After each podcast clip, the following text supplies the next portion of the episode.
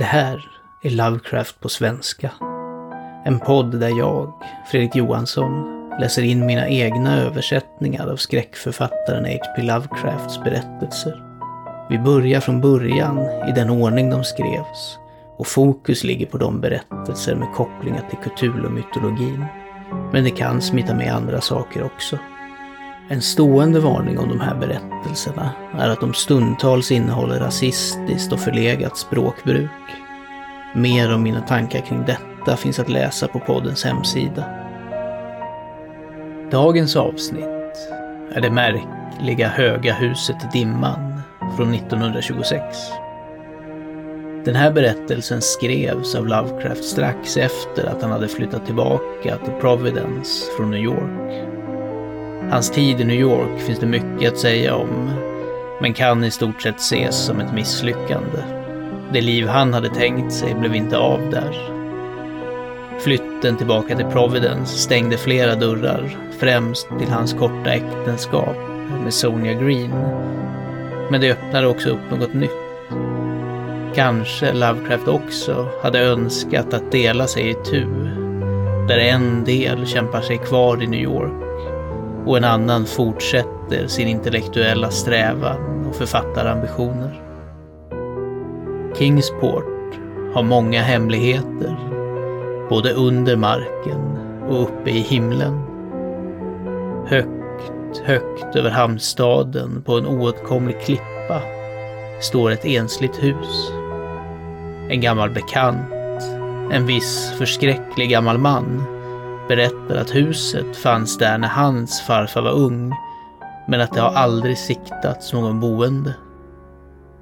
Så en dag kommer den drömmande filosofiläraren Thomas Olney och beslutar sig för att besöka platsen. God lyssning.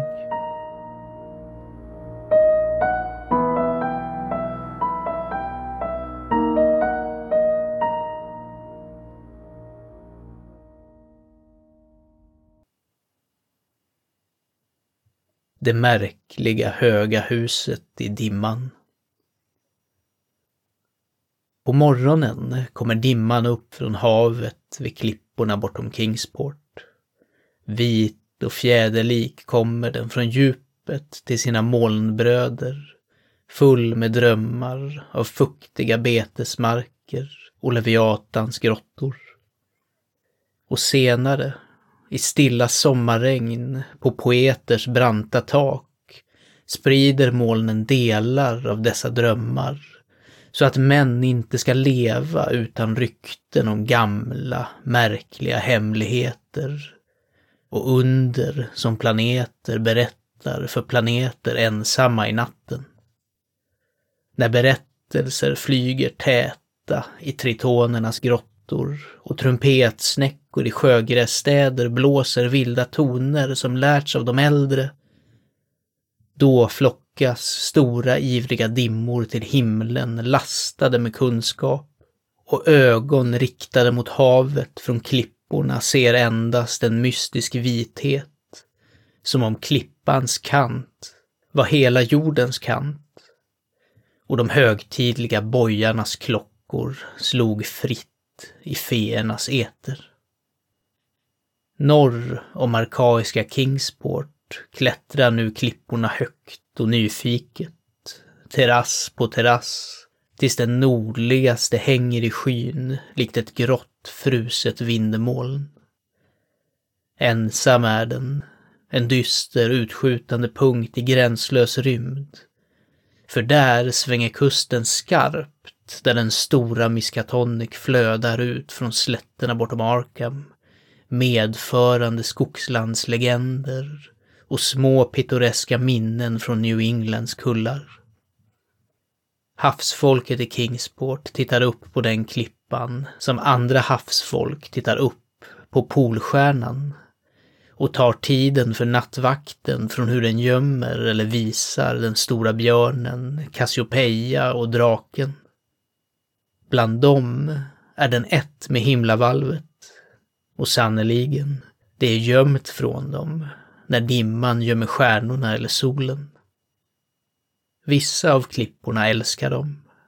Som den vars groteska profil de kallar Fader Neptunus. Eller den vars pelarsteg de kallar gångbron. Men denna fruktar de, eftersom den är så nära himlen. De portugisiska sjömännen som kommer in från en resa korsar sig själva när de först ser den. Och de gamla jänkarna tror att det skulle vara en sak mycket grymmare än döden att bestiga den, om det ens var möjligt. Icke desto mindre så fanns det ett uråldrigt hus på den klippan. Och på kvällen kunde män se ljus från de små glasfönstren. Det uråldriga huset hade alltid varit där. Och folk sa att det bodde en där i som talar med morgondimmorna som kommer upp från djupet. Och kanske ser egendomliga saker åt havet vid de tillfällen när klippans kant blir hela jordens kant. Och de högtidliga bojarna slår fritt i feernas vita eter. Detta berättar de från hörsägen för det förbjudande berget är alltid obesökt och de infödda ogillar att rikta teleskop mot den. Sommargäster har visserligen synat den med eleganta kikare, men aldrig sett mer än det gråa ursprungliga taket, spetsigt och klätt med spån, vars takfot nästan når ner till den grå grunden och det svaga gula ljuset från de små fönstren som kikar fram under de takfötterna i skymningen. Dessa sommarfolk tror inte att det är samma person som har levt i det urgamla huset i hundratals år, men kan inte bevisa sitt hädande för någon riktig Kingsporter. Även den förskräckliga gamla mannen som talar med blypendlar i flaskor, köper matvaror med hundraårigt spanskt guld och har stenidoler på gårdsplanen till sin antediluvianska stuga på Water Street, kan endast säga att dessa saker var detsamma när hans farfar var en pojk. Och det måste ha varit för ofattbara åldrar sedan när Belcher eller Shirley eller Pownall eller Bernard var guvernör över hans majestäts provins i Massachusetts Bay. Så en sommar kom det en filosof in till Kingsport. Hans namn var Thomas Olney och han undervisade i tankvärda saker på ett college vid Narragansett Bay. Med kraftig hustru och stojande barn kom han och hans ögon var trötta efter att ha sett samma saker i många år och tänkt samma väldisciplinerade tankar. Han såg på dimmorna från fader Neptunus diadem och försökte att gå in i deras vita värld av mysterier längs med de titaniska trappstegen på gångbron. Morgon efter morgon låg han på klipporna och såg över världens kant på den kryptiska eten bortom lyssnande på spektrala klockor och de vilda skriken från vad som kunde ha varit måsar. Då, när dimman lyfte och havet framträdde med röken från ångbåtarna, suckade han och gick ner till staden, där han älskade att träda igenom de smala gamla gränderna upp och ner för backar och studera de galet sviktande gavlarna och udda dörröppningarna med pelare vilka hade skyddat så många generationer av robust sjöfolk. Och han talade till och med med den förskräckliga gamla mannen som inte tyckte om främlingar och bjöds in i hans skräckinjagande arkaiska stuga vars låga tak och maskätna paneler hör ekorna av oroande monologer i små timmars mörker. Det var såklart oundvikligt att Olni skulle lägga märke till den gråa obesökta stugan i himlen på den olycksbådande norra klippan, vilken är ett med dimmorna och himlavalvet. Alltid hängde den över Kingsport och alltid göd dess mysterium i viskningar genom Kingsports krokiga gränder. Den förskräcklige gamle mannen väste fram en berättelse som hans far hade berättat för honom om blixtar som en natt slog upp från den stugan på toppen till den högre himlens moln. Och farmor Orn, vars lilla mansardtakbostad på Chip Street var helt täckt av mossa och murgröna, kraxade om någonting som hennes farmor hade hört i andra hand. Om former som flaxade ut ur de östliga dimmorna rakt in i den smala ensamma dörren på den där oåtkomliga platsen. För dörren är placerad nära kanten av klippan mot havet och skymtas endast från skepp till havs. Till slut, då han var ivrig efter nya märkliga saker och inte hölls tillbaka, varken av Kingsportens rädsla eller sommargästens vanliga lathet, tog Olny ett mycket hemskt beslut. Trots en konservativ träning, eller på grund av den, för enformiga liv föder vemodig längtan efter det okända, svor han en ed att bestiga den undvikna norra klippan och besöka den abnorma urgamla gråstugan i himlen. Mycket troligt, hävdade hans tillräkneliga jag, att platsen måste vara arrenderad av folk som nådde den från inlandet längs med den lättare åsen bredvid Miskatonics mynning. Antagligen handlade de i Arkham, eftersom de visste hur illa Kingsport tyckte om deras boning. Eller kanske var de oförmögna att klättra nerför klippan på Kingsportsidan. Olney gick ut längs med de mindre klipporna till den plats där den stora klippan oförskämt hoppade upp för att umgås med himmelska ting och blev mycket säker på att inga mänskliga fötter kunde bestiga den eller ta sig ned på den där utskjutande södra sluttningen. I öst och norr reste den sig tusentals fot vertikalt från vattnet så att endast den västra sidan, inåt landet och mot Arkham, återstod. En tidig morgon i augusti gav sig Olne iväg för att finna en väg till den otillgängliga toppen. Han arbetade sig nordväst längs med trevliga småvägar, förbi Hopers Pond och det gamla kruthuset i tegel, till där betesmarkerna sluttar upp till åsen ovanför Miskatonic och ger en härlig utsikt av Arkhams vita georgianska kyrktorn över kilometer av flod och äng. Här fann han en skuggig väg till Arkham, men ingen stig alls i riktning mot havet som han önskade. Skogar och fält trängdes upp till den höga stranden vid flodens mynning och bar inte ett tecken på människans närvaro. Inte ens en stenvägg eller en strövande ko, utan endast det höga gräset och de jättelika träden och härvorna av taggbuskar som de första indianerna kan ha sett. När han långsamt klättrade österut, högre och högre över flodmynningen på sin vänstersida och närmare och närmare havet, fann han att vägen växte i svårighet, tills han undrade hur någonsin bosättarna på den ogillade platsen lyckades nå världen utanför, och om de ofta kom till marknaden i Arkham. Då tunnades träden ut, och långt under honom på sin högersida såg han kullarna och de antika taken och spirorna i Kingsport. Till och med Central Hill var liten från denna höjd.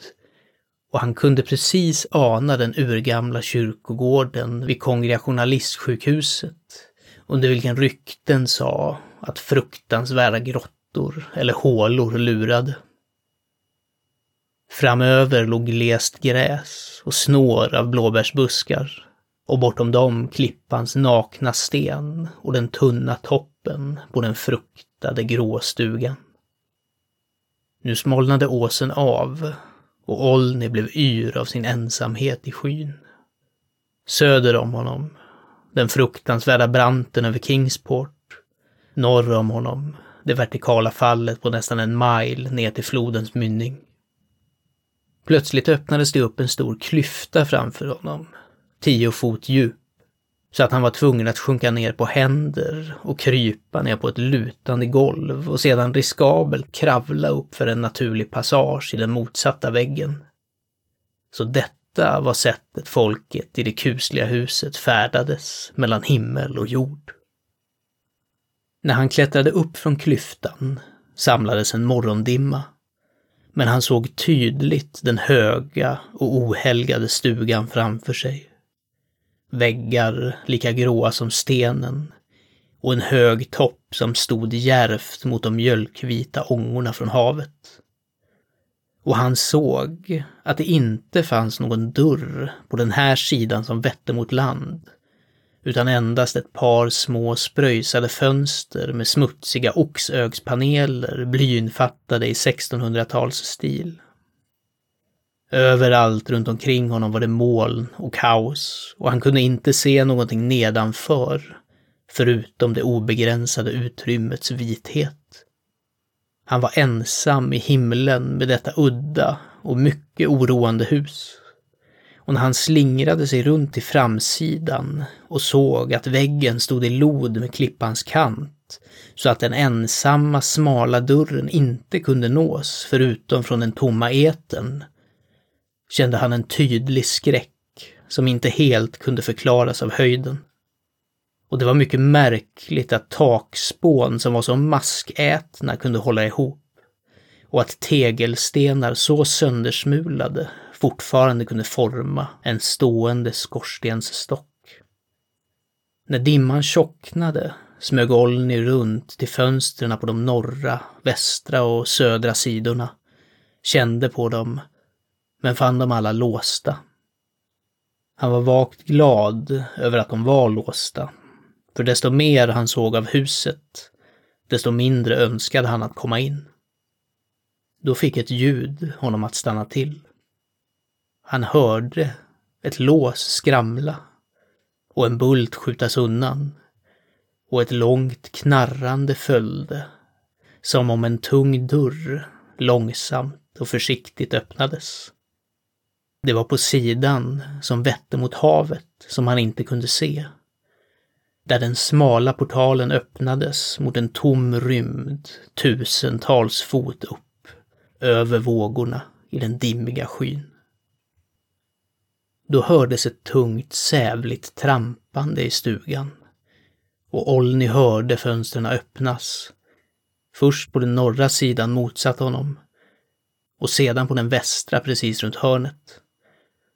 Nästa skulle bli de södra fönstren under de stora låga takfötterna på den sida där han stod. Och det måste sägas att han var mer än obekväm när han tänkte på det avskyvärda huset på ena sidan och den tomma luften på den andra. När ett famlande kom till de närmare fönsterbågarna kröp han runt till västsidan igen, tryckande sig själv mot väggen bredvid de nu öppnade fönstren. Det var tydligt att ägaren hade kommit hem men han hade inte kommit från land, inte heller från någon ballong eller luftskepp som kunde föreställas. Steg göd igen och Olni hasade runt kanten till norr, men innan han kunde finna en tillflyktsort ropade en röst mjukt och han visste att han måste konfrontera sin värld. Ut från det vänstra fönstret stack det fram ett stort svartskäggigt ansikte vars ögon sken fosforiserande med prägling av oerhörda syner. Men rösten var mild och av ett pittoreskt äldre slag. Så Olni darrade inte när en brun hand sträcktes ut för att hjälpa honom över fönsterbrädan och in i det låga rummet med mörka ekpaneler och snidade Tudormöbler. Mannen var klädd i mycket gamla klädesplagg och hade omkring sig en obestämbar aura av havets lärdom och drömmar av höga galjoner. Olni minns inte många av de under han berättade, eller ens vem han var, men säger att han var märklig och vänlig och fylld med magi av ofattbara tomheter i tid och rum. Det lilla rummet verkade grönt med ett svagt akvatiskt ljus. Och Olni såg att de bortre fönstren i öst inte var öppna utan stängda mot den dimmiga eten med matta, tjocka rutor, likt bottnarna på gamla flaskor. Den skäggiga världen verkade ung, men såg ut ur ögon genomsyrad av de äldre mysterierna och från berättelsen berättelsen om underbara forntida ting som han skildrade måste man gissa att byfolket hade rätt när de sa att han hade varit förtrogen med havets dimmor och himlens moln ända sedan det fanns någon by som såg hans tystlåtna bostad från slätten nedanför. Och dagen gick och fortfarande lyssnade Olni på rykten om gamla tider och avlägsna platser och hörde om hur kungarna av Atlantis kämpade mot de hala blasfemier som slingrade sig fram ur springor i havsgolvet och hur Poseidons sjögrästäckta pelartempel fortfarande skymtades vid midnatt av förlorade skepp som vet av denna syn att de är förlorade. Titanernas år återkallades men världen blev skygg när han talade om den dunkla första åldern av kaos innan gudarna eller ens de äldre var födda. Och när endast de andra gudarna kom för att dansa på toppen av Hategkla i den steniga öknen nära Ultar, bortom floden Sky. Det var då det knackade på dörren. Den där uråldriga nitade dörren av ek bortom vilken låg endast avgrunden av vita moln. Olny ryckte till av rädsla, men den skäggiga mannen tecknade åt honom att vara stilla och smög på tå till dörren för att se ut genom ett mycket litet kikhål. Vad han såg tyckte han inte om, så han tryckte sina fingrar mot sina läppar och smög runt för att stänga och låsa alla fönstren innan han återvände till den antika bänken bredvid sin gäst. Då såg Olni något dröja sig kvar vid de genomskinliga rutorna vid varje litet dunkelt fönster i följd. En märklig svart kontur när besökaren rörde sig nyfiket runt innan den gick. Och han var glad att hans värd inte hade svarat på knackningarna. För det finns märkliga föremål i den stora avgrunden och sökaren av drömmar måste ta sig i akt att inte störa eller möta de felaktiga. Då började skuggorna att samlas. Först små skygga under bordet och sedan järvare i de mörka panelklädda hörnen. Och den skäggiga mannen gjorde enigmatiska bönegester och tände ljus i märkligt smidda mässingstakar. Ofta sneglade han mot dörren, som om han väntade någon. Och till slut tycktes hans blick besvaras av ett egendomligt bankande, vilket måste ha följts av en mycket gammal och hemlig kod. Den här gången tittade han inte ens genom kikhålet, utan svängde upp den stora ekbommen och sköt undan spärren låste upp den tunga dörren och kastade den vidöppen mot stjärnorna och dimman. Och då, till ljudet av obskyra harmonier, flöt det in i det rummet från djupet. Alla drömmar och minnen från jordens sjunkna mäktiga. Och gyllene flammor dansade runt sjögräsklädda lockar så att Olni bländades när han hyllade dem. Treordsbärande Neptunus var där och lekfulla tritoner och fantastiska nerider.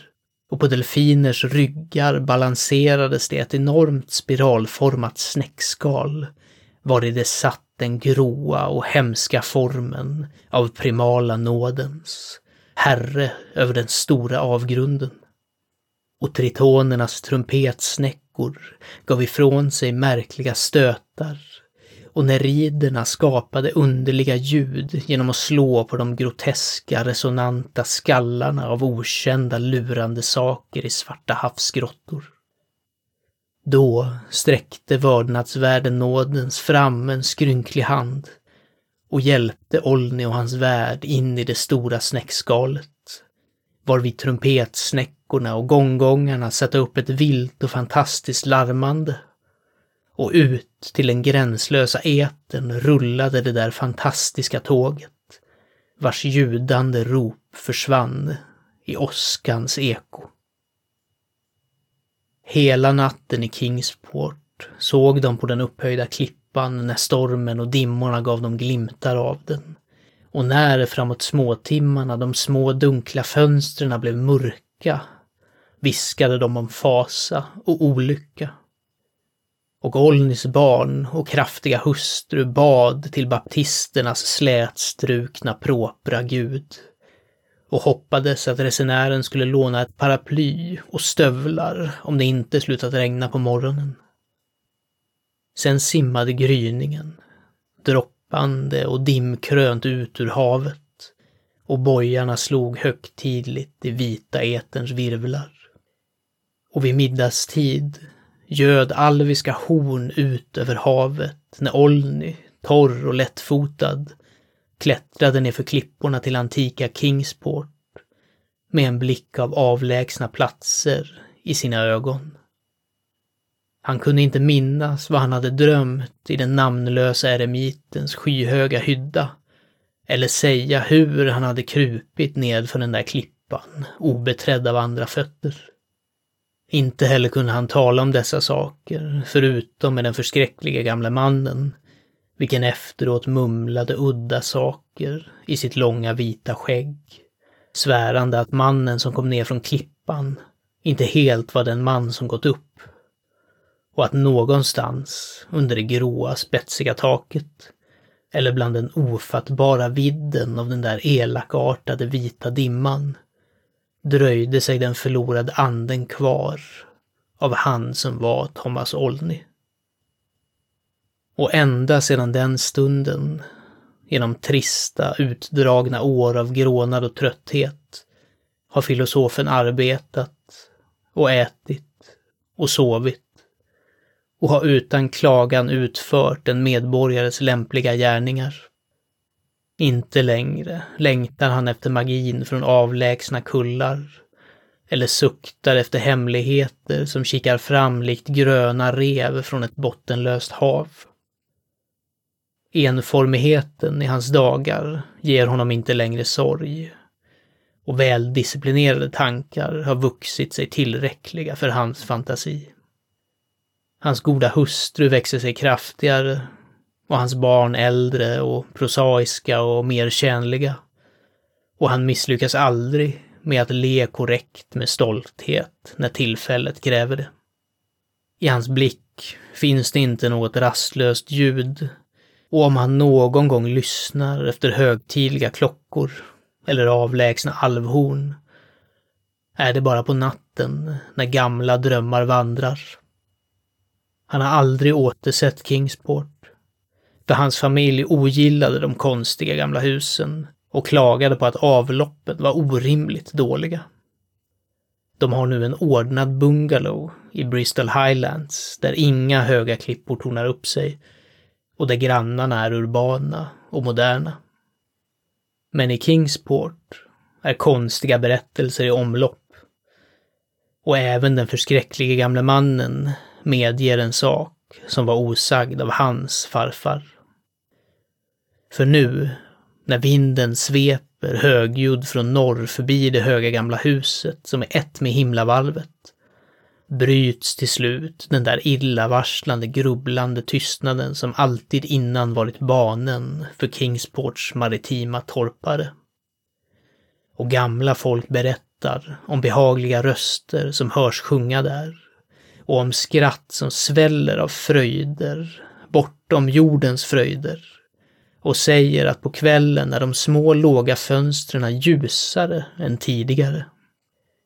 De säger också att det häftiga norrskenet kommer oftare till den platsen. Lysande blått i norr med visioner av frusna världar, medan klippan och stugan hänger svarta och fantastiska mot vilda illumineringar. Och gryningens dimmor är tjockare och sjömän är inte fullt så säkra på att allt dämpat ringande är från de högtidliga bojarna. Det värsta av allt, däremot, är skrumpnandet av gamla rädslor i hjärtat hos Kingsports unga män, som på natten blir benägna att lyssna på nordanvindens svaga, avlägsna ljud. De svär att ingen skada eller smärta hjärta kan bebo den toppbelägna stugan. För i de nya rösterna slår glädjen och med dem klingar skratt och musik. Vilka berättelser havsdimmorna kan ha fört med sig till den där hemska och nordligaste höjdpunkten vet de inte, men de längtar efter att extrahera någon antydan om de under som knackar på den gapande dörren när molnen är som tjockast. Och patriarker fruktar att de en dag, en efter en, ska söka upp den där otillgängliga toppen i himlen och lära sig vilka hundraåriga hemligheter som döljer sig under det branta spåntaket, vilket är en del av klipporna och stjärnorna och Kingsports uråldriga rädslor. Att dessa våghalsiga ungdomar kommer tillbaka tvivlar de inte på. Men de tror att ett ljus kan saknas från deras ögon och en vilja från deras hjärtan. Och de önskar inte att pittoreska Kingsports klättrande gränder och arkaiska gavlar ska dras håglöst ned genom åren medan den skrattande kören växer sig starkare och vildare, röst efter röst, i det där okända och fruktansvärda nästet där dimmor och drömmar om dimmor stannar för att vila på deras väg från havet till himlarna. De önskar inte att deras unga mäns själar ska lämna Kingsports behagliga härdar och mansardtaksklädda tavernor. Och inte heller önskar de att skratten och sången på den höga steniga platsen ska växa sig starkare.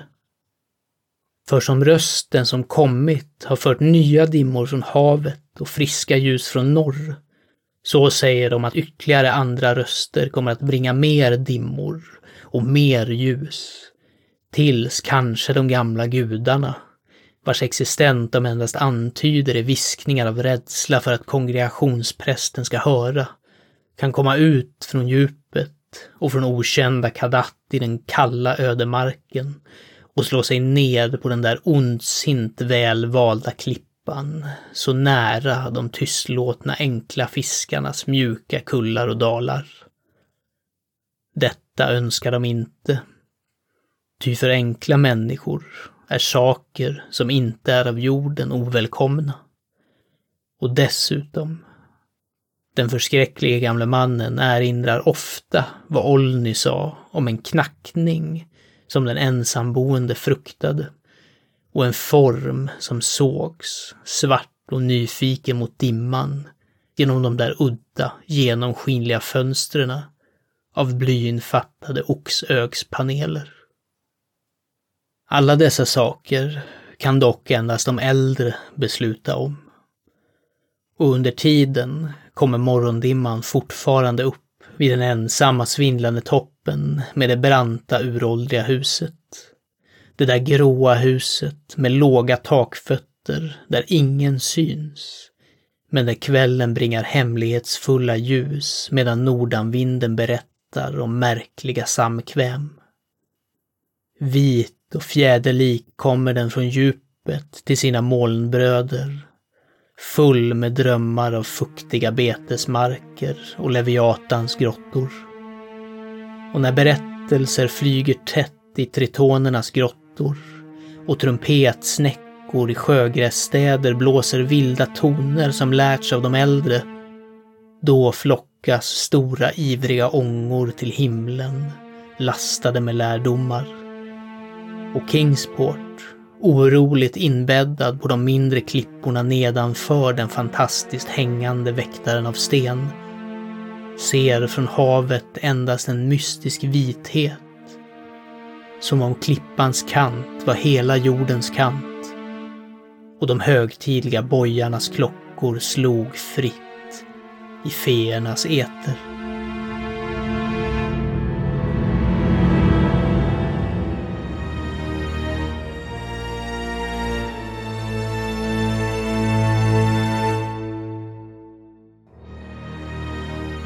Du har lyssnat på Det märkliga höga huset i dimman. En berättelse berättelse av Howard Phillips Lovecraft som skrevs i november 1926 och som publicerades för första gången i oktober 1931 i Weird Tales i det tredje numret av den artonde utgåvan. Den svenska översättningen och inläsningen är gjord av mig, Fredrik Johansson. Tack för att du har lyssnat.